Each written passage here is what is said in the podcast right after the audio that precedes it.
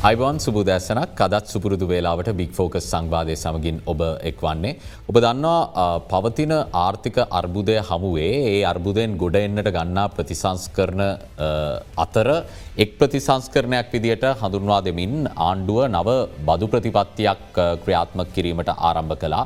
එ අනුව මීට පෙර බදු සීමාවේ හිටපු බොහෝ දෙනෙකුට වඩා මේ නව බදු ප්‍රතිපත්තියත් එක්ක මේ බදු සංශෝධනයත් එක්ක තා බොහෝ දෙනෙකුට වැඩියෙන් බදු ගෙවන්නට වගේම මීට පෙර බදු නොගෙව වූ බොහෝ දෙනෙක්ට බදු ගෙවන්නට සිදුවෙලා තියෙනවා. කොහොමුණත් මේ බදු ප්‍රතිපත්තිය සම්බන්ධයෙන් තියෙන්නේ විශාල විවේචනයක් වෘතිකයින් අතර මේ ගැන විවිධ මතිමතාන්තර තිබුණත් ආණ්ඩුව පාශවෙන් කියන්නේ මේ බදු පනත හකුලා ගත්ත හොත් ජාත්‍යන්තර මුල්ල අරමුදලෙන් ශ්‍රී ලංකාවට ලැබෙන විස්තීරණ ණය පහසුකම අහිමි වී යයි. ඒ හරහා නැවතත් අකණ්ඩ විදුලි කප්පාදු කිරීම් ඒත් එක්කම දිගු ඉන්දන පෝලිම් වගේ ප්‍රශ්න ගැටලුවලට අපිට මුහුණ දෙන්න සිද්ධ වෙයි. ඒ නිසා රාජ්‍ය ආදායම ලබා ගැනීමට නම් මේ බදු ප්‍රතිපත්තිය නොවෙනස්ව ඉදිරියට ක්‍රියාත්මක කළ යුතු බව. දැම බදු විරෝධයේ ඉතාම තීරණාත්මක භූමිකාවක් අපිට පේන විදියට රඟදක්වන පිරිසක් තමයි වෛද්‍යවරු කියලා කියන්න මොකද ඔන්න ඔවුන්ගේ හඬ බොහොම ප්‍රබල ලෙස මේ බදු ප්‍රතිපත්තියට එරෙහිව නගන ආකාරය අපි පසුගේ සති කිහිපේම දුටුව. යනු අද අපි තීරණය කලා මේ බදු ප්‍රතිපත්තිය සම්බන්ධයෙන් ප්‍රශ්්‍ය කරන්නට රජයේ වෛද්‍ය නිලධහරින්ගේ සංගමේ නියෝජිතයෙන් බික් ෆෝකස් සංවාදයට කැඳවා ගන්න. යනුව රජය වෛද්‍ය නිලධහරින්ගේ සංගමේ මාධ්‍ය ප්‍රකාශක වෛද්‍ය චමිල් විජයසිංහ මහත්මයට අපි ඇරයුම් කලා වෛද්‍යතුමාබ අයිවාන් කියල පිළිගන්න අයිවාන් කල ඒත් එක්කම රජය වෛද්‍ය නිලධහරින්ගේ සංගමේ මධ්‍යම කාරක සභික වෛද්‍ය ප්‍රසාත් කොළඹගේ මහත්මයවත් අයිවාන් කියලා පිළිගන්න අයිවාන්. වෛද්‍යතුමන අපි කෙලින්ම කතාවට බැස්සොත්. ඇයි මේ බදු ප්‍රතිපත්තිට වෛද්‍යවරු මෙතරම් අකමැති. කලින්දු අපි දන්නවා මේ රට තියෙන බොහොම අර්බුදකාරී මොහොතක. මේ රට මේ තත්වට ගෙනාවේ මේ රටේ වෘතිය වේදන්නත් මේ රටේ ජනතාවත් නෙමේ මේ රටේ පාලකය පහුගේ අවුරදු ගණනාවක් තිස්සේ දශක හත්තකට වැඩි කාලයක් තිස්සේ ගත්ත වැරදි තීරණ නිසා ක්‍රියාත්ම කර වැරදි ප්‍රතිපත්ති නිසා සරලව කිව්වොත් මේ රට බංකොලොත් කරලා තියෙන මේ රටේ පාලක පැලැන්තිය මේ රටේ දේශපාලක්ඥයෙන්. නිසා මේ හැකිලෙන ආර්ථිකයක් තියෙන මොහොතක මේ රටේ ජීවන වියදම වේගෙන් ඉහළ යන මොහොතක උද්ධමනය අහස උසට ගිහිල්ල තියෙන මොහොතක බැංකු පොලි අනුපාතික වේගෙන් ඉහළ යන මොහොතක මේ අසාධාරණ විදිහට මේ බදු ප්‍රතිපත්තියක් හඳුන්වල දීලා තියෙනවා. එතකොට පළවෙනි කාරණය මෙතන්දි අපි කියන්න ඕන දේ තමයි මේ වෘත්තීය වේදීන් විදිහට වෛද්‍යවරු විදිහට මේ රටේ පුරවැසියන් විදිහට බදු ගෙවීම සම්බන්ධයෙන් අපේ විරුද්ධත්වයක් නැහැ කොහෙත්ම. බදු ගෙවීම රාජ්‍යයක් පවත්වා ගැනීමට අත්‍යවශ්‍යයි බදු ගෙවීම පුරවැසි වගකීමක්. හැබැයි හැම මොහොතකම සිද්ධ වෙන්න ඕන කාරණය තමයි මේ බදු ගෙවීම කියන කාරණය සාධාරණ වෙන්න ඕනේ. සරලව කිව්වොත් ගෙවන්න පුළුවන් බද්දක් වෙන්න ඕනේ. අනිත් පැත්තෙන් මේ බද්ද සමානාත්මතාවයෙන් යුතුව ක්‍රියාත්මක වෙන්න ඕනේ. තෝරාගත් පිරිසකට එක විදිහක් තවත් පිරිසක් බදු වලින් නිදහස් කරන්න තවත් පිරිසකට බදු සහන දෙන්න එහෙම සිද්ධ වෙන්න බෑ. අනිත් පැත්තෙන් මේ බදු එකතු කිරීමේ සහ අනිත් පැත්තෙන් බදු මුදල් වියදම් කිරීමේ ක්‍රියාවලිය පාරදෘශ්‍ය වෙන්න ඕනේ. එතකොට මෙන්න මේ කාරණා මුල් කරගෙන තමයි මේ දැනට මේ ආණ්ඩුව පහුගේ දෙසැම්බර් නමවෙන්ද පාර්ලිමේන්තේද අත්තනොමත විදිට සම්මත කරගත්ත දේශය ආදායම් පනතේ මේ සංශෝධන හරහා දෙදහස් විසිතුන වර්ෂයේ ජනවාරි පලවෙන්දා සිට ක්‍රියාත්මක කරමින් තිබෙන මේ බදු ප්‍රතිපත්තිය සම්බන්ධයෙන් අපේ පැහැදිලි විවේචනයක් තියෙනවා. විවේචනයක් විතරක් නෙමෙයි ඒක අපි අපි කියනවා ධනාත්මක විවේචනයක් අපි කන්ස්ට්‍රක්ටිව් ක්‍රිටිසිසම්යක් කරන්නේ. කරුණු කාරණා හේතු සාධක සහිතව කරන්නේ. එහෙ විවේචනය කරලා පැත්තකටලා ඉන්නේ නැහැ. වෘත්තීය වේදින් කියන්නේ හැම වෙලාවෙම මේ රට ඉදිරියට අරගෙන යන්න. මෙරට ප්‍රගමණයට දායක වෙන පිරිසක් මෙරටේ විද්වතුන් බුද්ධිමුතුන් කැන මේ රට සම්පතක්. ඒ නිසා මේක සාධාරණ විදිට හසුරෝගන්නේ කොහොමද දරාගත හැකි විදිහට රටට මේ රටේ ජනතාවට වෘතිය වේදීන්ට මේ රටේ බුද්ධිමුතුන්ට විද්වතුන්ට බලපෑමක් අවම වන පරිදි හසුරවා ගන්න කොහොමද කියන කාරණය සම්බන්ධයෙන් අපි අපේ යෝජනා මාලාවන් පවා ලබාදීලා තියෙනවා. එනිස අපි විශ්වාස කරනවා ප්‍රධාන කාරණා කීපයක් ඔස්සේත අපි මේ අසාධාරණයි කියන්නේ එකක් මේ විශේෂ උපේනට ගෙවීමේ බද්ධ කියන බද්ධ හඳුන්වල දීලා තියෙනවා. කලින් තිබූ බද්දක්. හැබැයි එහි ප්‍රතිශත සහ ඒ සීමාවන් විශාල වශයෙන් ඉහළ නංවල හඳුන්වලා දීලා 24 ඉඳන් 36 36 දක්වා තියෙනවා. බදු ගෙවීමේ ආරම්භක ආදායම් සීමාව පහත හෙල්ලලා තියෙනවා. ඒතකොට බදු අය කිරීමේ ආදායම් කාණ්ඩ සංකෝචනය කරලා තියෙනවා. හැබැයි දෙදස් දහනමත් වෛදතුමා තිබේ ලක්ෂය නේද සීමාව. දෙදස් දහනම දෙදස් දාහතේදී ක්‍රියාත්මකුණ දෙදස් දහනමේ වෙනකම් ක්‍රියාත්මකේදී ආරම්භක ආදායම් සීමාවතිබන රුපියල් ලක්ෂය ඒවගේම සියට හතරේ සිට අට හතර දක්වාගේ මෙවරය සියට තිස්සාය දක්වා හය ගුණාකාරවලින් ඉදිරිට නමුත් දෙදස් දාහතේ සිට දෙදස් දහනම දක්වා ක්‍රියාත්මකුණු බදු ප්‍රතිපත්තියත් මෙවරත් බොහොම තීරණාත්මක වෙන සක්තියනව කළඳු. ඊට හේතුව තමයි බදු මූරධර්මූල තියෙන ප්‍රධාන කාරණයක් තමයි වැටුප සහ වේතනයත් ලාභයත් අතර වෙන සක්තියනවා. දැ ව්‍යාපාරයකට පුද්ගලයෙක්ට ඇත ව්‍යාපාරයකට ආයතනයකට බදු අය කරන්න ඔහුගේ ලාබයට වියදම් ප්‍රමාණයක් අයින් කරලා ඒ අයින් කරලා කෝපරේට් ගන්න ගහන්න හෙමතට ප්‍රකාශයට පත් කරන ලාබයට. නමුත් මෙරට මේ පෙයිටක්ස කරහා සේවානියුක්ති කෙනත සරලෝගොත් මේ මාස් පඩිගන්න පිරිස්සොට ෘතිය වේදීන්ට මේ බද්ධ පනවල තියෙන්නේ ඕගේ සම්පූර්ණ ආදායමට. සම්පූර්ණ ග්‍රොස් සැලරියකට. එතකොට මේක දෙදස් දාහතේ දිහෙමුණේ නෑ දෙදස් දාහතේදී සියලු දෙනාට ගෙනවා එවකට ආණ්ඩුවෙන් බදු අයකිරීමේ ආරම්භක ආදායම්සීම වාර්ෂිකව ලක්ෂ පහයි. ගැන මාසික රුපැල් හතලිසෙක් දහ. හැබැයි සේවානියුක්තිකන්ට බදු සහන සීමාවක් ලබා දුන්නා වාර්ෂිකව තව ලක්ෂ හතක්. ඒගැනතුට ලක්ෂ පහයි ලක්ෂ හතයි ලක්ෂ දොළහක්. ඒ තුළ තමයි මාසික ආදායම් සීමාව රුපියල් ලක්ෂය කියන සීමාවට දෙදස් දාහතේ දෙන්නේ හැබැයි මෙවර ඒ වෙනස ඒ අයිති අපිට අහිමි කරලා තියෙනවා. නමුත් මෙවරත් ලක්ෂ දුලහ තමයි වාර්ෂිකාදායම ලබනායගෙන් බදු ගන්නේ මොකද ඔබතුමා කියන වෙනස. පැහැදිලි ඒ පළවෙනි වෙනස වේතනය සහ ව්‍යාපාරයක ලාභය අතර වෙනස. ඒ ඒ වෙනස ලැබියයුතු ඒවා ඒ වෙනස උල්ලංඝනය කරලා තියෙනවා. ොට මෙහි එකැන අපි කෙනවා දැන් ඩිඩක්ෂන්ස් වලටත් කලින් වැටුපට තමයි මේ බදු අය කිරීම සිද්ධ කරන්නේ. විතුම ඔබ ලබාගන තියෙන ආයතන ලබාගෙන තිය අය මුදලක් කියමු. ඒ අය මුදලවත් ඉවත්වෙන්න එකැන සරලව කිව්වොත් ලාභය සලකනකොට වියදම්ටික ඉවත් කරනවන. ගැන මූලික අවශ්‍යන වියදන්ටික ඉවත් කර ලාබේටම බදු අය කර සාමාන්‍ය බදු අය කරන්නේ පුද්ගලයෙක් ඒවා ආයතනයක ඒවා ආදායම අතිරික්තයටන. තමයි සාමාන්‍ය මූල ධර්මය තියෙන. හැබැයි මෙතන්දී එක පැත්තකින් මේ ආදායමේ අගේ ගැන අපිට ප්‍රශ්නයක් තියෙනවා. රුපියලේ මුහුණත වටිනාකම කොයි විදිහට පහුගේ අවුරුද්ද තුල බිඳ වැටුණේ කියලා. මේ ලක්ෂය කිව්වට ඒවකට ලක්ෂයකින් කරන්න පුළුවන් දේවල් කරන්න දැන් රුපියල් ලක්ෂ 4කට වැඩි ඕනේ. 2017. ඒක සරල ඔබත් මමත් අපි දකින අත්දකින කාරණාවක් මේ වේගයෙන් ඉහළන ජීවන වියදමත් එක්ක උද්දමනයේ 90යි 100යි 80යි හතරින් ගහම ඉන්දන මිල හතර ගුණයකින් වැඩි වෙලා ඒකට තිබුණට අද වෙනකොට බාණ්ඩ මිල දහ පහලොස් ගුණයකින් වැඩි වෙලා බැංකෝ පොලි අනුපාත හස උසට ගිහිල්ලා කල්බදු පොල යනුපාත හස උසට ගිහිල්ලා. හැම දේම තිබුණට වඩා තත්ත්වය හත් පසිම වෙනස් මොහොතකන මෙයින් තොට අපි හරියට බැලුවොත් ඒ දෙදස් දහනම නැත මේ බදු විදස් පහුගේ දෙදස් විසිදක වර්ශය මුලදී දෙදස් දාහතර දහනමට පියන්න ඔන්න රුපියල් තිස් දහකින් හතලිස් දහකින් කරපු දේ කරන්න මේ රට සාමාන්‍ය පුරවැසියෙක්ට දැන් රුපියල් ලක්ෂෙත් මදී.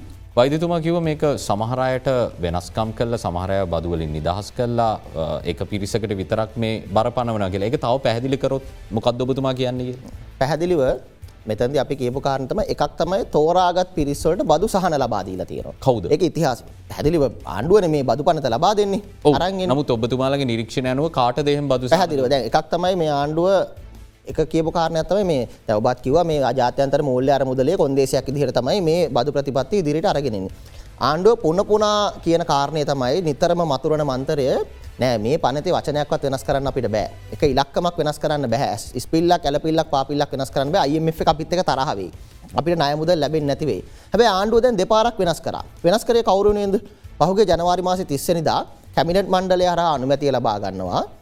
වාර්ෂික ආදායම රුපියල් මිලියන එකසිය විස්සට වඩා ලබාගන්නා ආයතනවලට ඒ ආදායමට අතිරික්ත ආදායමට සීයට දෙකයි දශම පහක සමාජාරක්ෂණ බද්දක් පනවල තියෙනවා. වාර්ෂිකෝ මිලියන එකසි විස්සක් කියන්නේ කෝටි දොලහක් මාසිකව රුපියල් කෝටියට ආදායම් ලබන සමාගම්. තර ඔවුන්ගේ ලාබේ අඩුවෙනවා කියලා.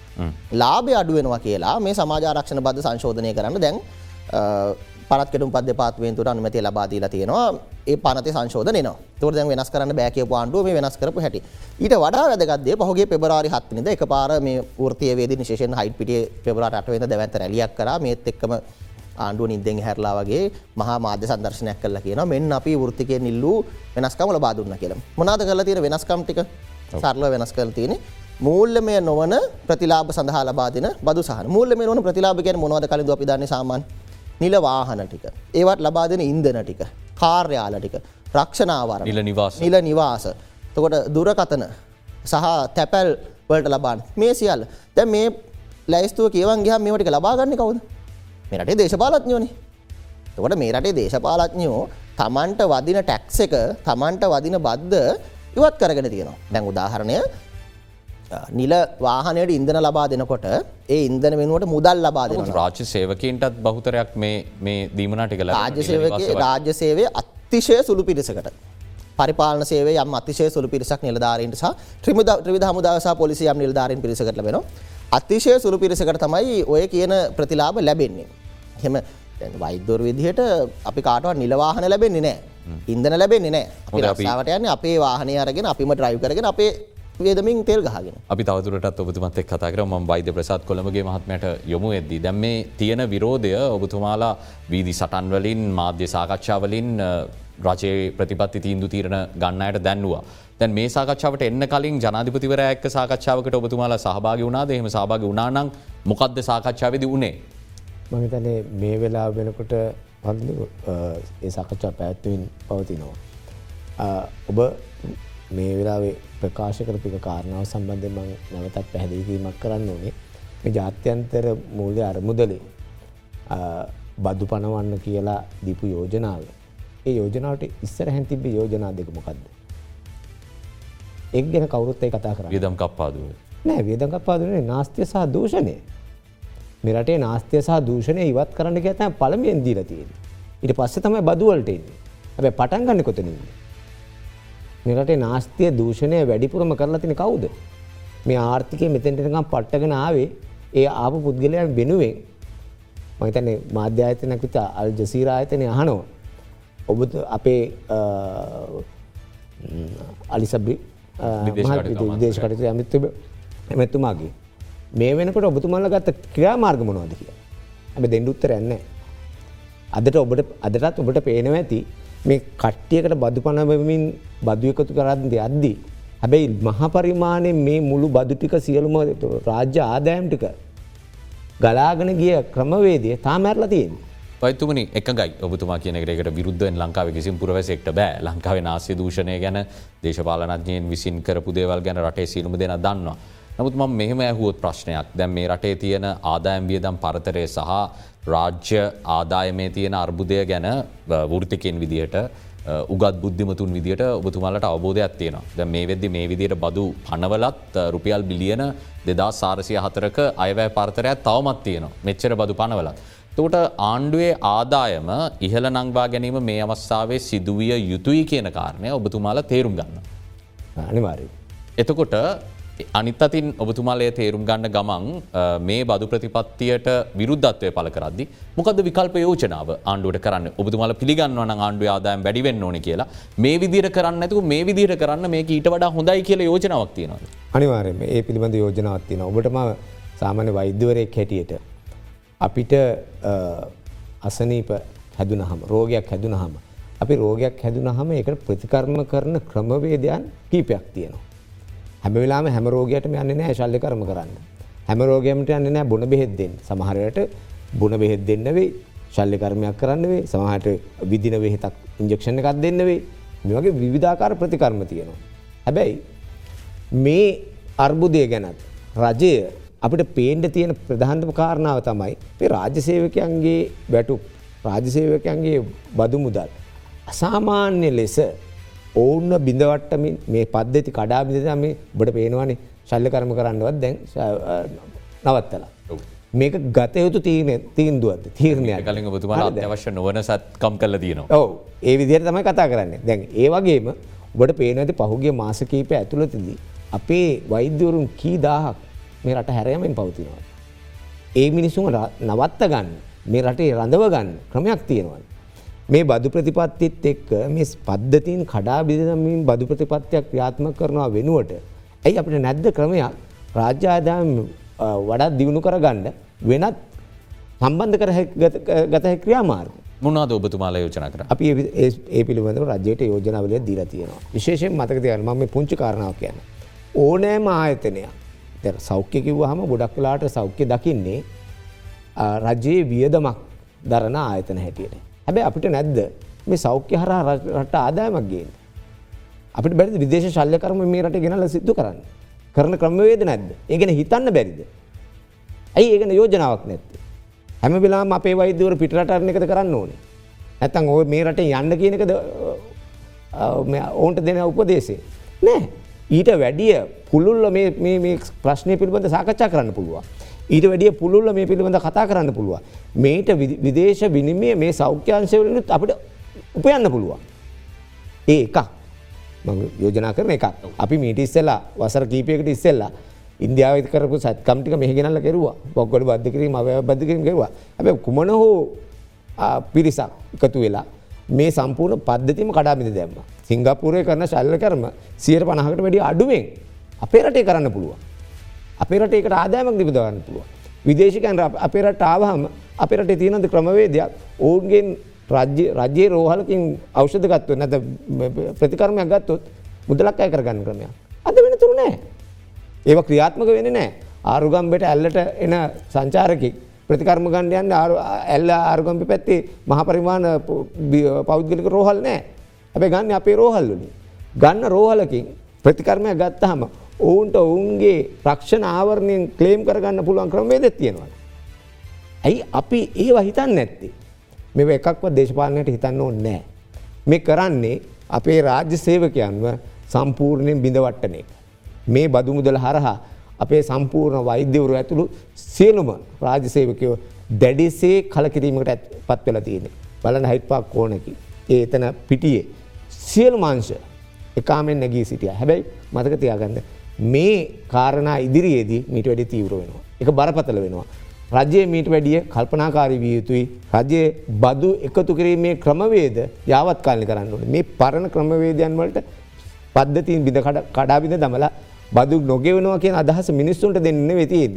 අපිත් බදු ගන්න ලෑස්ති හැබැයි ඒක සාධාන ප්‍රතිපත්තියක් වෙන්න.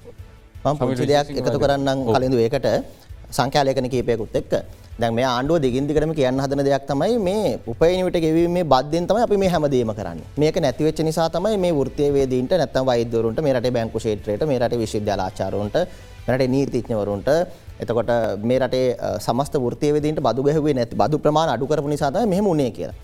දැන් පේයි ටැක්ස් එක උපයනට ගෙවීමේ බද්ද රට ඉතිහාසේ වැඩිම් ප්‍රමාණයක් එකතු කරගෙන තියෙන 2019 වර්ෂයේදී. ඒ රුපියල් බිලියන 49ක්. මෙවර බිලියන සීයක් එකතු කර බිලියන සීයක් තමයි පුරෝකතන හැබැයි ප්‍රායෝගිකව සිද්ධ වෙන්නේ අපිට දැනට තියෙන තොරතුරුත් එක්ක උපරිම බිලියන 68ක 70ක ප්‍රමාණයක් දක්වා තමයි යන්න පුළුවන්කම තියෙන රාජ සේවක ඒ දැන් බිලියන 68 70 කියන්නේ රාජ්‍ය අර්ධ රාජ්‍ය පෞද්ගලික සියල්ලම. හැබැයි ඔවුන් කියන ආණ්ඩුව පැත්තෙන් කියන තවත් ස්ථාවරයක් තමයි සමස්ත ශ්‍රම බලකායෙන් ලංකාවේ 2.6යි මේ පේයි ටැක්ස් එක ගෙවන්න ඕනේ. රුපියල් 30000ට වඩා අඩුවෙන් පඩි ගන්න අය තමයි 148ක් ඉන්නේ. මේ රටේ සියලුම දෙනාගේ ප්‍රශ්නයක් නෙමෙයි. මේ වැඩි ඔවුන් කියන කතාව ම මේ ඔබට ඉදිරිපත් කරන්න. මේ වැඩි පඩිගුවෙන් උපයනය තමයි එලියට වෙල් කෑගහන්න කියලා ඔබට මතකයි මුදල් රාජ්‍යමාත්වරය මෙතැන්දිම මේ මේ ගැන ලාපිට ඇමත්තුම මේක පලවෙනි කාරණය එතුම ඉදිරිපත් කරන මේ සංකාලයකන ගැන විශාල ගැටලුවක් තියෙනවා. ඇතුම කියන කාරණතමයි මගේ මතක හැටියට රුපියල් ලක්ෂයේ සිට ඒ ආදෑම් කාණ්ඩුල වැටුක් ගන්නා පිරිස ලක්ෂ හතලිස් හයක් වෙච්ච ශ්‍රම බලකාය එක් ලක්ෂ විසිහය දහක පමණ පිරිසක් තියෙන කල්තම එතුම කියන්නේ. තොට එක්ලක්ෂ විසිහය දහකට විතරයි මේ ප්‍රශ්නය බලපාන්න කියන ගමන් ආණ්ඩුව අනිත් පැත්තෙන් කියනවා පෙයිටැක්ස කරහා ආණ්ඩුවේ සැලැස්ම ලක්ෂ එකොළහක් බදු ෆයිල් ඕපන් කරනෙක් කිය තර මට තේරෙන්නේ එක්ලක්ෂ විසි දහයි ලක්ෂරට පඩිගන්නේ ලංකාවේ ආණ්ඩුව කියන විදිහට පාලකින් කියන විදිහට.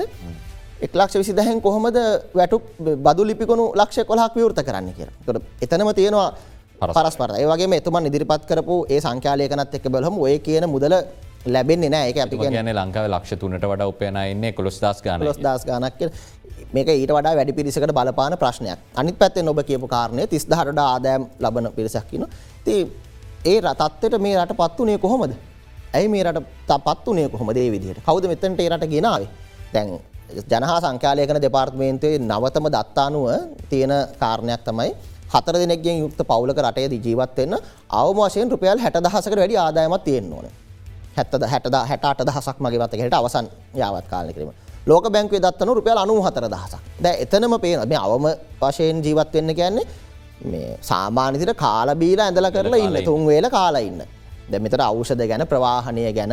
එතනින් හාකාරණ ගැන එතන කතාවෙන්නේ නෑ එතකොට එතනම පේනවා මේ ලක්ෂය කියන සීමාව කොයි තරම් අසාධාරණති කියලා. ඔබ අහපු කාරණයක් නේ මේ විකල්ප මොනවද කියලා? එතකොට දැන් මම කියපු දේ තමයි දැන් රුපියල් බිලියන 49ක් ගත්ත පේයි ටැක්ස් එක 2019 දී 2020 දී රුපියල් බිලියන 15යි තොට දල වශයෙන් වාර්ෂිකව අහිමිවීම රුපියල් බිලියන තිස් පහක් විතරන වාර්ෂික අහිමිවීම අපි දල වශයෙන් ගත්තොත්.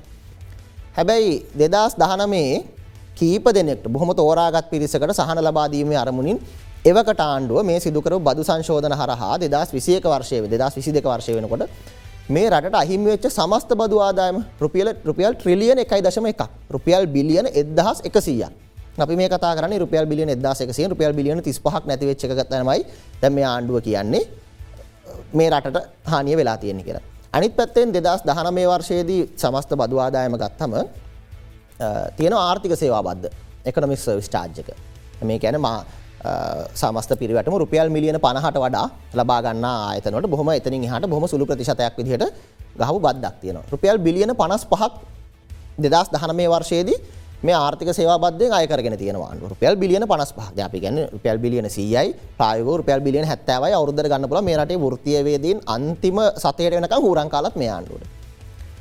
ඒ රුපියල් බිලියන පනස් පහක් ගත ආර්ථික සේවාබද තාම අහෝසි කරපු ගමන්ම තමයි. තාම ඒ නැවත පනවල නෑ ඒ වෙනස්කම් නැවත කරලා නෑ. තොට අනිත් පැත්තෙන් මෙරටේ ආදේශ ආදයම් දෙපාර්තමේන්තුවම් බොහොම පැහැදිලිව කියෙන කාරණයක් තමයි පහුගේ අවුරදු කීපේ බදු නොගෙවා පැහැර හැරි අයකරගතතු බදු ප්‍රමාණ රුපියල් බිලියන හත්සියකට අධිකයි. එයින් නම් ගම් වශයෙන් තහවුරු කරගෙන සර සියල්ලම එකතු සියල්ල පහුගේ අවුරදු කීපයමකතු නම් ගම් වශයෙන් තහවුරු කරගෙන සියල්ල දඩ මුදල් එක් හඳුනාගත් ප්‍රමාණය රුපියල් බිලියන දෙසීයකට අධිකයි.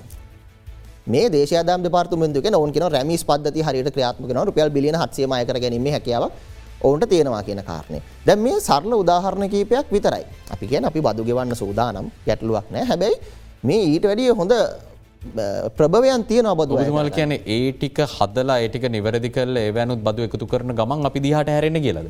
අපි කියන්නේ අපෙන් සාධාරණ බද්දක් අය කරගන්න ඒ අතරතුරේදී අතිශය අසාධාරණ විදිර බදු සහන ලබාදීල තියෙන මේ තෝරාගත් පිරිසකින් ඔවුන්ගෙනු සාධාරණ විදිර බදු අය කරන්න. අපි කියන්න ඔවුන්ට බිත්තිරම අර්බුදකාරි මොහොතක්න රටේ විත්තියට තද කරලා බෙල්ල පාගල බදුවය කරන්න කියන්නේ. හොද අපි තා බොහෝදේ කතා කර මේ ගැන කතා කරන්න අහන්න ප්‍රශ්න තියෙන කෙටි විරාමයක් ලබා දෙන්න ඉක්වනින් යළිත් හම්බ. යළිත් බික් ෆෝකස් වෛද්‍ය ප්‍රසාත් කොළඹගේ මහත්මය දැන් සාධාරණ බදු ප්‍රතිශතයක් අයකරගන්න කියද්දී මොකක්ද නිශ්ෂිතව ඔබතුමාල කියන්න? දැන් අයකරගන්න බදු ප්‍රතිශතය අඩු කරන්න කියලාද? නැත්නම් මේ ලක්ෂේ සීමාව ඉහලදාන්න කියලාද? මොකද නිශ්ෂිත ඉල්ලීම. අපි ඒ සම්බන්ධයෙන් පැහැදිලිවම ඉල්ලීම් කරලා තියෙනවා ඒ ඉල්ලීමේ පළවෙනි කාරණාව තමයි. ඔබට තේරණව ඇති රටේ උද්ධමනය කොයි ආකාරයෙන්ද ඉහළ ගිහිල තියෙන කියලා. ඒ උද්ධමනයත් එක්ක අපි කරපු පළවෙනි ඉල්ලීම තමයි මේ ලක්ෂය කියන සීමාව අඩුම වශයෙන් උද්ධමනය තුන් හතර ගුණයකින් වැඩිවල තියෙන හින්ද. මේක ලක්ෂසිමා ලක්ෂ දෙක දක්වා ඉහළට ගන්න කියන එක. ඒ හරහා රජයට ඔය කියන තරම් ලොකු බලපෑමක් සිද්ධ වෙන්නේ නැහැ. මොකද අපි පැහැදිලුව කිව මේ සාකච්ඡාවට එදිමත් උපයාගත හැකි බදු ප්‍රමාණය මේ කහගෙන හිටියත් අඩුම වශයෙන් බිලියන පන්සියක් හොයාගන්න පුළුවන් ඔය තියෙන එකතුව අවම වශයෙන්. එවිතරක් නෙවේ අපි ඒ ඒ කාරණාවදී පළවෙනිම් කාරණාව කිව අපේ ඒ ලක්ෂේ සීමාව ඉහළ දමන්න කියන එක. අනිතක මේක තියෙන ස්ලබ්ස් වල වෙනස්කම් කිරීමක් කරන්න කියන එක. ඊළඟ කාරණාව තමයි කෙටියෙන් කත පැහැදිලි කිරුවොත් මේ සීයට තිස්හය දක්වා තියෙන සීමාව සිට විසි අතර දක්වා ගේන්න කියන එක. මම ඒක මොබට මතක් කරන්න තවත් කාරණාව අපේ රටේ මේ ආදායම් ප්‍රශ්නය හින්දන මේ නිතරම් බදු එකතු කරන්න රජය උත්සාහ කරන්නේ. ඒක අපට පෙන්න්නන්නේ එතොට මේ රටේ ආදායම උපයන්නේ වැඩිහරියා මේ රට ඇතුළේ මේ වියදමන මේ රට ඇතුළ තියෙන එකනේ. අපි විදේශාදායමක් උපයගන්න ක්‍රමවේදත් තියෙනවනේ ඒ විදේශාදායම උපයන ක්‍රමවේදේ පළවෙනි කාරණාව තමයි මේ අපි අපනෑන ආදායමේ රටර ගෙන එක. මේ රටේ රටෙන් අපනෑනය කරන දේවල් ආදායම් මේ රටර ගේන්න නම් මිරට තියෙනවා ඒ සඳහා පනතක්. විදේශාදායම රටර ගෙන පනත. ඒ පනත වෙනස් කරලා තියෙන. මේ රටර විදේශ රටවල්ලට අපනෑනය කරන ආදායමේ දැනටෙන සියට දාහතක් වගේ ප්‍රමාණයක් කියල් තමයි මේ තියෙන මූලාශ්‍රලින් අපට ලැබෙන්නේ. කෙන ඉතිරිසල් යොක්කම පිටට තාම තියෙන. ඒක වෙනස් කරපු හිද තමයි මේ තරම් මූල්‍ය අර්බුදයකට අප ඇවිල්ල තියෙන. එක වෙනස් කල බුතුම කතා කරන වෙනස නිශ්ිත වශයෙන් පනතරකරු. ඒ ඒ පනතේ සියලූම ආදායම් එක ගිගි ලබාගත යුතු ආදායම් මෙරට්ට ගේන්ඩ අවශ්‍ය අවශ්‍යව තිබූ කරුණුකාරණ ඉවත් කෙරවා එක මට මතකද දෙදස් පහල වෙදිවත් කෙරවේ. දෙදස් පාලිවිදි වත් කරන්නෙත් මේ රටේ දැන්ටෙස්න අතිකර ජනාධිපත්තුමාගේ යෝජනාවක් අන්නු. ඒහින්දා මේ රටේ දැන් සම්පූර්ණයෙන් අපනයනය කරනවා නම් බිලියන සීයක ආදායම බිලියන දාහතක් දහටක්තම මේ රට නැවතත් ඒ ආදායමකට රට ගේන විදේශ විනිමේ හැටියට. ඉතිරි ඒවා ඒ රටවල රඳව තබා ගැනීමේ හැකියාව මේ රටේ මේ ප්‍රතිපත්ති ඇතුළ තියෙනවා. මේ පනත එතරම් දුර්වලයි. ඉන්දියාව එහෙම නෑ ඉන්දියාව පනත පැහදිල අධ්‍යනය කල තියනද මොකක්ද නිවැරදිව ඒ ගෙනාපු ප්‍රතිපාදන කියල පනත. ප්‍රතිපාදනවල තියෙන්නේ පැහැදිලිව මේක මට මතකදයට පාර්ලිමේන්තුවේ විමල් වීරවංශ මැත්තුමත් සඳහනක් කෙරවා. අඩුම ගානේ මේ පනත වෙනස් කරගන්න තාම රජයට උමනාවක් නෑ කියලා දැන්ට දින කීපයකට ඉස්සෙල්ල. ඒ පනත වෙනස් කිරීම හරහා මේ රට්ට ගෙන හැකි ආදායම් සිට හැත්ත පහකින් වැඩි වෙන හෙමුණුත්. විදේශ විනිමේ තොර විදේශ අපනෑනය කරන ආදායම්ටි අපේ මේ රට එන්නේ නැත්තම් මේ රටේ අර්බුදයක් තමයි. එතවට මේ රටේ ඒ අර්බුදය මතු කරලා ඒ අර්බුදය ඇතුළේ අපි කතා කරනවා නම් රාජසේවකයන් ගන්නනේ ලක්ෂයෙන් නැත් ගන්න ඕනේ කියලා තියෙන රුපියල් පනස්දාහෙන් අය කරන්න කියලා. පියල් පනස්දාහකින් අය කරන්න කියලා අයිF කියන හැම කාරණාව කරන්න ෑනේ. ඒක තියෙනවන සීමාවක්. IMF ආයතනයෙන් කිව්වනම් පලවෙනිම කිප කාරණාදක ඉස්සලම ප්‍රමිතිගත කරන්න දෙපේ පලවෙනි කාරණකව මේ රට තිය නාස්ති අඩු කරන්න ක්‍රමවේද දූෂණ අඩු කරන්න ඕන ක්‍රමවේද. ඒව සකස් කරන්න පයි අප රටේ නාස්තිය නම් දූෂණය නම් අප පැහැදිලි කාරණාවක් කිව්වා පහුගිය නිදහසුස්සවේ අපිට මොන කොමන ආකාරයෙන් සමරන්න තිබ හැබැයි කෝටි නමයකින් සමරපු නිදහසුස්සවයට මෙසර කෝටි හතලයක් වේදන් කරලා තිය. අපි කියන්නේ අපේ තරම දැනගෙන අපි ජීවත්තෙමු. අපේ රටේ වියදම් අපි අඩු කරමු. අපි කැපකිරීමක් කරන්න. ඇබේ මේ රටේ දකිනවා ඔබතුමා දේශපාලක්ජගන කැපකිරීම. ආණ්ඩු පක්ෂය හෝ විපක්ෂයේ මොකද කරලා තියෙන කැපකිරී. ඔවුන් පාර්ලිමේන්තුව ඇතුළේ හරි පාර්ලිමේන්තුවෙන් පිට හරි මේ රටේ සංවර්ධනය ඉහලට ගේන්ද යම්කිසි තලයකට ගේන්ද වැදගත් ප්‍රකාශයක් කරන අපි දැකළ තියෙනවා. පහුගේ කාල සීමාව. ෘතිකයෝ ගෙනල්ලා මේ රට අපනෑන ආදායම කොයි විදිහට වැඩි කරගන්නේ ආදායම බියදම කොහොම අඩු කරගන්නේ නාස්ති අඩු කරගන්න කියන්න එක ගැන සාකච්ඡාව කරන දැකළ තියෙනවා. කිසිදු සාකච්ඡාව. එහෙනම් මේ මිනිස්සුන්ට අය කරන්න බදු අය කිරීම විතරක් නෙවෙයි ලැබෙන වැටුප අයින් කරන එක නෙවෙයි ඊට වැඩිය කළ හැකි කරුණු කාරණා බොහොමයක් තියෙනවා. ඒ බොහොමයට අවධාන යොමු කරන්න. සේවාවන් පවත්වාගෙන යන්න මේ රටේ ඉන්න වෘත්තිකයෝ මේ රට එන උගත් දැනුමක් බුද්ධියත් තියෙන මිනිසු මේ රට ඉතුරු කරගන්න උත්සා කරන්න. මේරට බුද්ධි කලනකට යවන්න එපා. වෛදතුමනි ඔතන් තියෙන තර්කය අනිත් පැත්තේ ම මේ සියලු තර්ක ගැන ඔබතුමාලගේ ප්‍රශ්න කරන බලාපොරත්තුවෙනවා. දැන් වෛද්‍යවරු රට ගියත් ඔයිට වඩා බද්දක් ඒ රටවල්වල ගෙවන්න වෙන උපයන විට. ඒක තමයි මේ ස්ථාවරය බවට පත්වෙලා තින්නේ. දැ ලංකාවේ බදු ගෙවන්න මැලිවෙන වෛද්‍යවරු නැත්ත වෙනත් ෘතික වෛදවර විතරක් නෙමයි සියලම දෙෙන රට ගයාට පසේ ඒ රටවල්වල තියෙන ඉහල බදු ප්‍රතිශතවලට යටත්වෙන්න සිද්ධ වෙනවා. ඉති ඇයි ලංකාවේ දිවිතරක් මේක කරන්න බැරි කියන ප්‍රශ්නය මතු කරදදි මොකද පිළිතුර. ම පුංචි කාරණාවක් කියන්න එකට. ලංකාවේ නුපුහුණු සේවකයෙක් විදේශ රටක සේවයට ගියොත් අවම වැටුප ඔවුන් නිගනය කරලා තියෙන නිගමනය කරලා තියෙන්නේ ඩොලර් පන්සීයයි.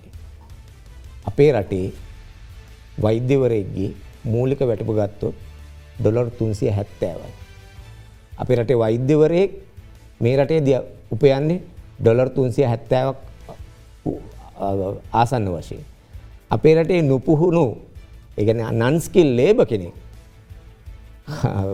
කම්කරුවෙක් විදේශ රටකට ගියොත් ඒ විදේශට අවම වැටුප ඩොලර් පන්සීය. ට පේනවන්න. ඔවුන් ඔවුන්ට වැඩි වැටුපක් දීලා වැඩි මුදලක් කපාගන්න එක සාධාරණයි. වැඩු වැටපක් ගෙවලා මේ දෙන්නේ අපේ රට ඔබ ඔබට මම පැහැදිලි කරන්න අපේ රටේ විශේෂඥ වෛද්‍යවරේ කොළඹින්දලා යාපනය දිස්ත්‍රීකයට ගමන් කරන පෙට්‍රල් ලිටර් කියත් දෙනවද. විස්සයි ඔහුට සතිතුනක් යන්ටුවන් පෙට්ලට විසෙන් යාපනයට යන්න ක්‍රමවේද සකස් කරලා තියෙනවා. සතියකට පෙට්‍රලට විස්සක් විතරයි දෙන්නේ. එතකොට විශේෂඥ වෛද්‍යවරයකුට තෙල්ටික ගහගෙනම් අපිතුම බස් එක යන්න කියලා. ආසන වශයෙන් ගණන් හදල බලන්නකො වැටුපත් එක්ක බස්වලට ඔයි වියදන් කරන වියදම විශේෂඥ වෛද්‍යවර ඉතුරු වේද මේ රටේ. වෛද්‍යවරු ඉතුරු වේද. ඔවුන්ට අඩුම ගාන තමාගේ ඉන්දන ටිකවත් ලැබෙන්නේ නැත්තං කොළබින්න වෛද්‍යවරයකුට යාපනයට යන්න. ඒක ඉන්දන ටික ලැබෙන්න්නෙත් නෑ. වාහනයක් ලැබෙන්න්නෙත් නෑ විරීදුරෙක් ලැබෙන්න්නෙත් නෑ ඒ විතරක් නෙවෙයි ඔවුන්ගේ වැටු පහරියට ලැබෙන්න්නෙත් නැත්ත. එහෙනම් මේ පද්ධතියෙන් කඩාගෙන වැටීම ස්වභාවිකයි. එහිදා විශ්වාස කරනවා මේ පද්ධතින් ආරක්ෂා කර ගැනීම ආරක්ෂා කරගෙන එක තමයි මත බදු ප්‍රතිපත්තියත් මූලිකවම කියන්නේ. මල් නොතලා රොන් ගණ්ඩ කියලා. ඒක තමයි තියෙන්නේ. වෙන්න වෛද්‍යවරු විදිහට එල්ලවෙන තව චෝදනාවක් තියෙන ප්‍රබල් ලෙස. මේක ආණ්ඩු පාර්ශවෙන් වගේම රටේ බදු ගැන කතා කරන බොහෝ දෙනෙක් කරන චෝදනාව. මේ වෛද්‍යවරුට විතරන මේ තවත් ෘතිකයන්ට මේ චෝදනාව වෙල්ලන. තම වේතන ගැන කතා කරන්නේ වේතනවලින් කැපෙන බද්ධ ගැන තමයි වෛද්‍යවරු කතා කරන්නේ. නමුත් පීපී කරලා අපි කියනවා සාමාන්‍යෙන් තමන්ගේ පෞද්ගලික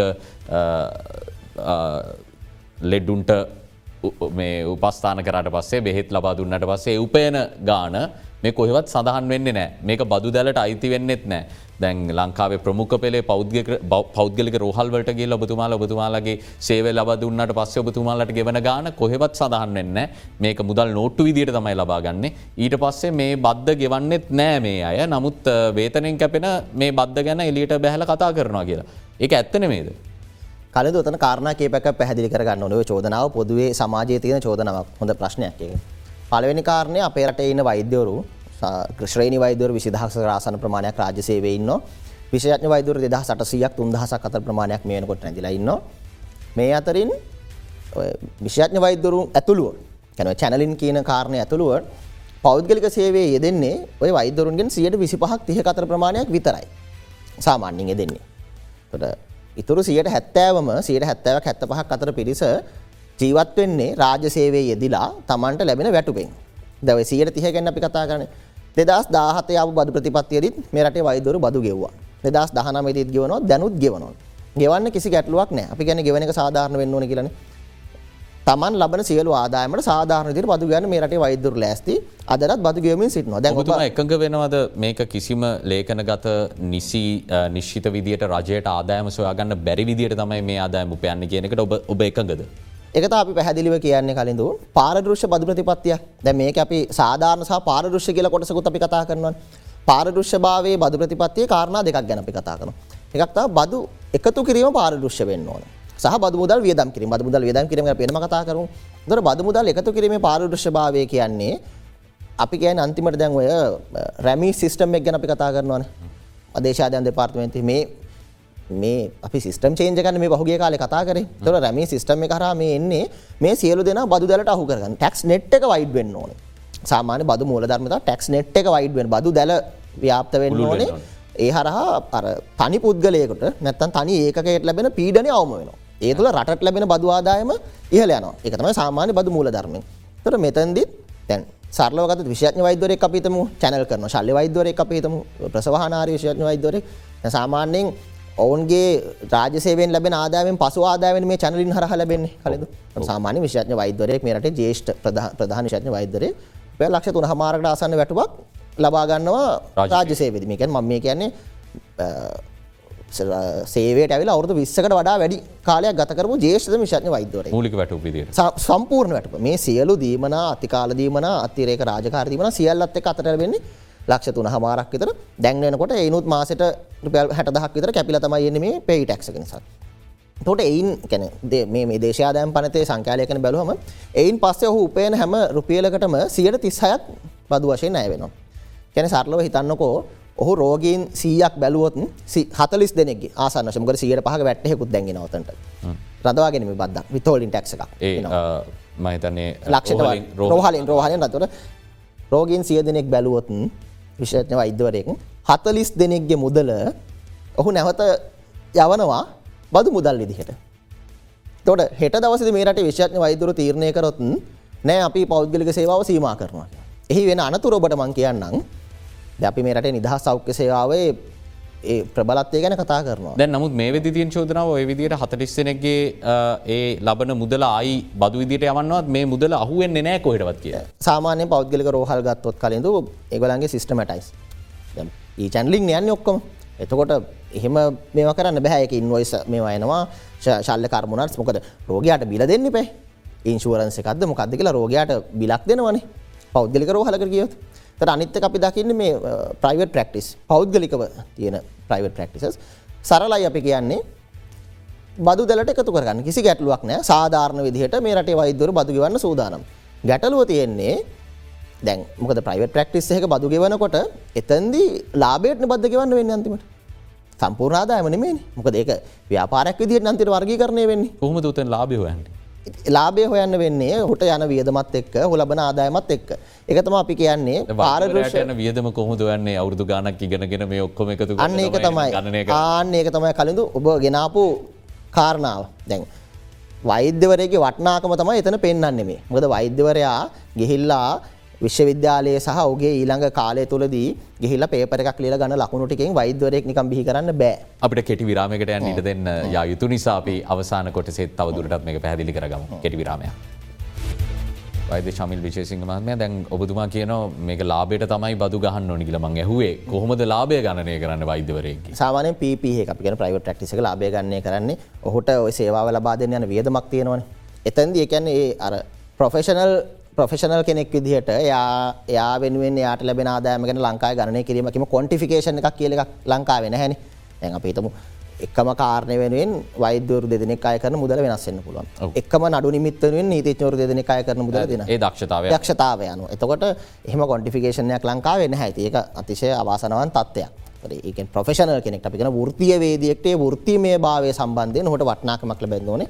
ඉතින් එහෙම නොලැබීම නිසා තමයි මේ රටේ වෘත්තීය වේදිනු මේ රටේ සංවර්ධන හරිය දායක කරගෙන නැහැ. මේ රට ඒ තත්ත්වෙට ගිහිලා තියෙනවා. දල වශයෙන් ගොත් ඔහු ලබා දෙන ඖෂධ වලට ඔහු එතන කරන වියදම් වලට අපි හිතමු Tamanගේ තැනක නෙමෙයි නම් ගෙවන කුලියට විදුලි බිලට එතකොට යම් වියදමක් වැය වෙනවා. එතකොට මේ සියල්ල ගණනය කරන්න ක්‍රමවේදයක් තියෙන්න එපා අපේ රටේ. ඒ නිසා තමයි කියන්නේ වෛද්‍යවරයෙක් හොයවා ගුරුවරයෙක් හොයවා දැන් මේ ගැටලුව බරපතල ලෙස යන ටියුෂන් ගුරුවරුන් ගැන සෑහෙන දේවල් කතා කරනවා. නීතිඥ වෘත්තිය ගැන මේ චෝදනාව එල්ල වෙනවා. ඊළඟට කලාශේත්‍රයේ පිරිස් ගැන මේ චෝදනාව එල්ල වෙනවා. ඒ චෝදනා එල්ල කරන පිරිස්නේ. ඒ නිසා තමයි අපිට වැදගත් වෙන්නේ මේක සිස්ටම් මේ පාරදෘශ්‍යකම වේදයක්. සිස්ටම් එකක් අවශ්‍ය වෙන්නේ ඒකයි මේ රටට මේ බදු අය කිරීමේ ක්‍රමවේදය මේ පුටුවේ ඉඳගෙන පේයි ටැක්ස් එක නිකන් කැපිලා එන්න එහෙම කරාට හරියන්නේ නැහැ. මේ ටැක්ස් නෙට් එක වයිඩ් කරන්න නම් රටට අවශ්‍ය බදු මුදල් ටික ගේන්න නම් බදු බදු සහන ලබා දෙන්න ඕන පිරිසුත් අපි අඳුරගන්න එපා. ඒ ක්‍රමවේදය හරියට හදන්න නම් මේකේ සිස්ටම් එකක් හදන්න ඕනේ. ඒ නිසා තමයි පාරිදෘශ්‍ය බදු ක්‍රමවේදයක් ගැන අපි ආණ්ඩුවට මේ යෝජනා ලබා දීලා තියෙන්නේ. සාධාරණ වෙන අතරදී මේ ක්‍රමවේදය පාරදෘශ්‍ය වෙන්න ඕනේ. එතකොට එහිදී අපිට තීරණය කරන්න පුළුවන් මොන පිරිස් වලටද බදු සහන ලබා දෙන්නේ. ම්? මොන මොන පිරිස් වලටද වැඩියෙන් බදු ගහන්නේ. එතකොට ඔවුන්ගේ ආදායම් කාණ්ඩ ලාභය කොයි විදිහටද තීරණය කරන්නේ. ඔවුන් ලබා ගන්න ආදායම ගණනය කරන්නේ කොහොමද? එතකොට මේ මේ ක්‍රමවේද මේ අමුතු දේවල් මැජික් නෙමෙයි. මේවා ලෝකේ ක්‍රියාත්මක වන ක්‍රමවේද. දැන් ඔබ ඇහුවනේ අ, විදේශ රටවල ඊට වැඩිය බදු ගෙවනවා කියලා. සාමාන්‍යයෙන් ඉහළම බදු ප්‍රතිශතය කියන්නේ ඉහළම ආදායම් කාණ්ඩය ලබන බදු බදු ප්‍රතිශතය ලංකාවේ 36ක් කරලා තියෙනවානේ. මේ ආසියානු සහ නැගෙනහිර ආසියානු කලාපයේ වැඩිම ප්‍රතිශතය තියෙන ලංකාවේ.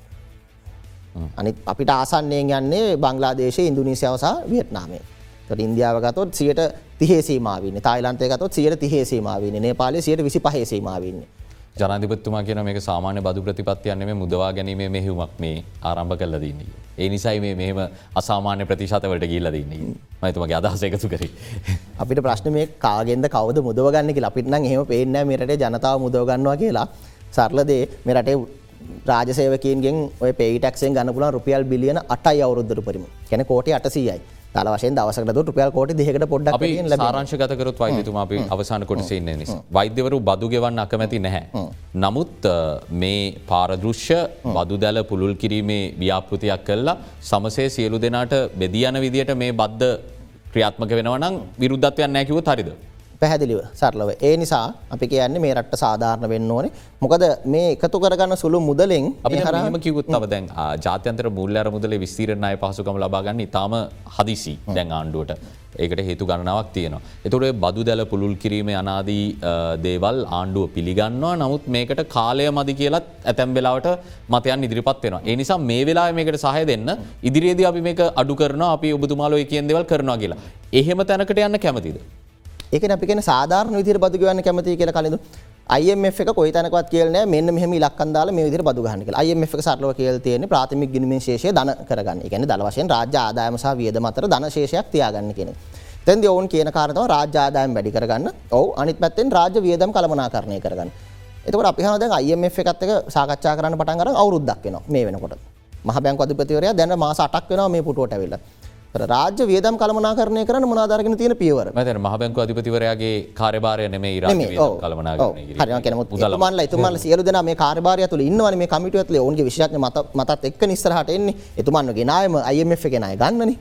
එතකොට වංචා දූෂණ පත්තිය පැත්තෙන් බංගතන උද්දමනය අඩු කර ඒ පැත් එතුමාගේ එතුමාගේ කාර්යභාරය කියන්නේ නිල කාර්යභාරය. ඒක නමුත් එතුමාගේ ඉන්පුට්ස් අපිට අතන්ට එනවනේ. ඒතර අනිත් පැත්තෙන් එක කියන කතාව මේ රටේ වංචා දූෂණ විෂමාචාර ටික අඩු කරන්න. දැන් පහුගිය අවුරුද්දේ අපි දැක්කද එක පනතක් එනවා පාර්ලිමේන්තුවට මේ වංචා දූෂණ කරප්ෂන් ඇක්ට එකක් නෑ ඇන්ටි කරප්ෂන් මිකනිසම් එකක් නැහැන් තාමත් වංචා දූෂණ ඒ විදිහටම සිද්ධ වෙනවනේ. දැන් රුපියල් බිලියනටයි වෘත්තීය වේදීන්ගෙන් සීන බදු වංචාව රුපියල් බිලියන 16ක් අහිමි වීම. මහ බැංකු බැඳුම් කරේ රුපියල් බිලියන 11ක් රටට අහිමි වීම. හෙජින් රුපියල් බිලියන 10ක් අහිමි වීම. මේ සරල දේවල්. පහුගිය කාලේ සමහර දේශපාලඥයින්ගේ රාජනායකයින්ගේ නිල නිවාස වියදම් කරන්න නිල නිවාස රෙනොවේට් කරන්න. නවීකරණය රුපියල් බිලියනයකට වඩා වියදම් කරලා තියෙනවා. මහිතනය මෙහෙම බොහෝ දෙවල් කතා කර කතා කරන්න පුළුවන්. ඒ නිසා කලිදු මං ඉවර කරන්නම්. සරලයි. මේ රට වෙනුවෙන් මේ රටේ වෘත්තීවේදී නෝන්ලා කැපවෙලා ඉන්නවා. අපි අපේ සම්පූර්ණ දායකත්වය ලබා දෙන්න සූදානම්. හැබැයි මේ රටේ බුද්ධිමතුන් මේ රටේ විද්වතුන් පළවා හරින විදිහ මේ වගේ ක්‍රමවේදවලට ගේන්න එපා. මීට වඩා ඕන තරම් විකල්ප තිබියදී මේ රටේ ලෙහෙසියෙන් ඉලක්ක කරගෙන මේ රටේ වෘත්තීයවේදීන් ජනතාවගේ සතුරු කරලා මේ කරගන්න යන්නේ අනාගතයේ මේ රටේ බුද්ධිගල් නිසා එකාතකින් රට දැනුම් කාන්තාරයක් බවට පත් වෙනවා. මේ අසාධාරණ බදු බදු ප්‍රතිපත්තිය නිසා මේ රටේ ජනතාවගේ මිලදී ගැනීම හැකියාව අඩු වෙලා ඒ හරහා අවසානයේ මේ රටේ ආදායම් ටික ඉතිරි කිරීමට අඩු වෙලා රට දරුණු ආර්ථික අවපාතයකට මේ අරගෙන යන්නේ මේ. වෛදතුමනි ඉතාම කෙටි වෙලාවක් අපිට තියෙන අවසන් කරන්න. මං කැමති අහන්න රජය වෛද්‍ය නිලධාරන්ගේ සංගම විදියට දැම් මේ බදු ප්‍රතිපත්තියට එරෙහිව ඉදිරියේදී මොනවගේ ක්‍රියාමාර්ගද සැලසුම් කලදී. ඉදිරියේදී මේ සම්බන්ධයෙන් අද දිනේදීත් අපි ආතිකව ජාතිපතිතුමා සමග සාකච්ඡාවක් තියෙන සාකච්ඡාවෙන් පස්සේ ධනාත්මක පිළිතුරක් ලැබුණොත් අපි අපේ සාධාරණ ඉල්ලීම් දිනාගන්නතෙක් ඒ සටන සිද්ධ වේවි. දැන් මේ කතා කරන්න වෛද්‍යවරු ගැන විතර අද කියලා නැත සමස්ස වෘතිකයෝ ගැනද. අපේ නියෝජනයක් තියෙනවා අපි අපි යෝජනාවල තියෙන ඒ යෝජනාවලේ සමස්ත රාජ්‍ය සේවයම ආරක්ෂා කර ගැනීමට මොකද මේ එක කාණ්ඩයක් විතරක් ආරක්ෂා කර ගැනීමට නෙවෙයි හැබැයි මතක තියාගන්න ඕන කාරණාව අපි බදුගවීමට සූදානම්. හැබැයි අසාධාරණ බදුගවන්න සූදානම් නෑ. ඊට විරුද්ධ අපි නැගේ හිටනවා අපි රට වැටෙන්ට දෙන්නෙත් නෑ අපි වැටෙන්නෙත් නෑ. හොඳයි. අද අපි සම්බන්ධ කරගත්තේ රජය වෛද්‍ය නිලධහරින්ගේ සංගමේ නිලධහරින් දෙදෙනෙක් මාධ්‍ය ප්‍රකාශක වෛදේශාමිල් විජේසිංහ මහත්මය ඇත්තකම මධ්‍යම කාරක සභික වෛද්‍ය ප්‍රසාත් කොළඹගේ මහත්මය අපි සම්බන්ධ කරගත්තේ. මොකද ඔවුන් මේ පවතින බදු ක්‍රමයට එරෙහිව ඉතාම ප්‍රබල හඩක් නග නිසා පැහදිලි කර ගැනීම තම අපේ අරමුණ වනේ මොකක්ද ඔවුන්ගේ ස්ථාවරය? ඔවුන් යෝජනා කරන්න මොකක්ද ආණ්ඩුවට කියන කාරණය. දෙවම සූතියන්තයන ඔබ දෙපලට එත් සමඟ අදට අපි සංවාධයෙන් සමගන්නා හෙටත් හමුවමු සුපුරුදු වේලාවට. සුපදිනයක්.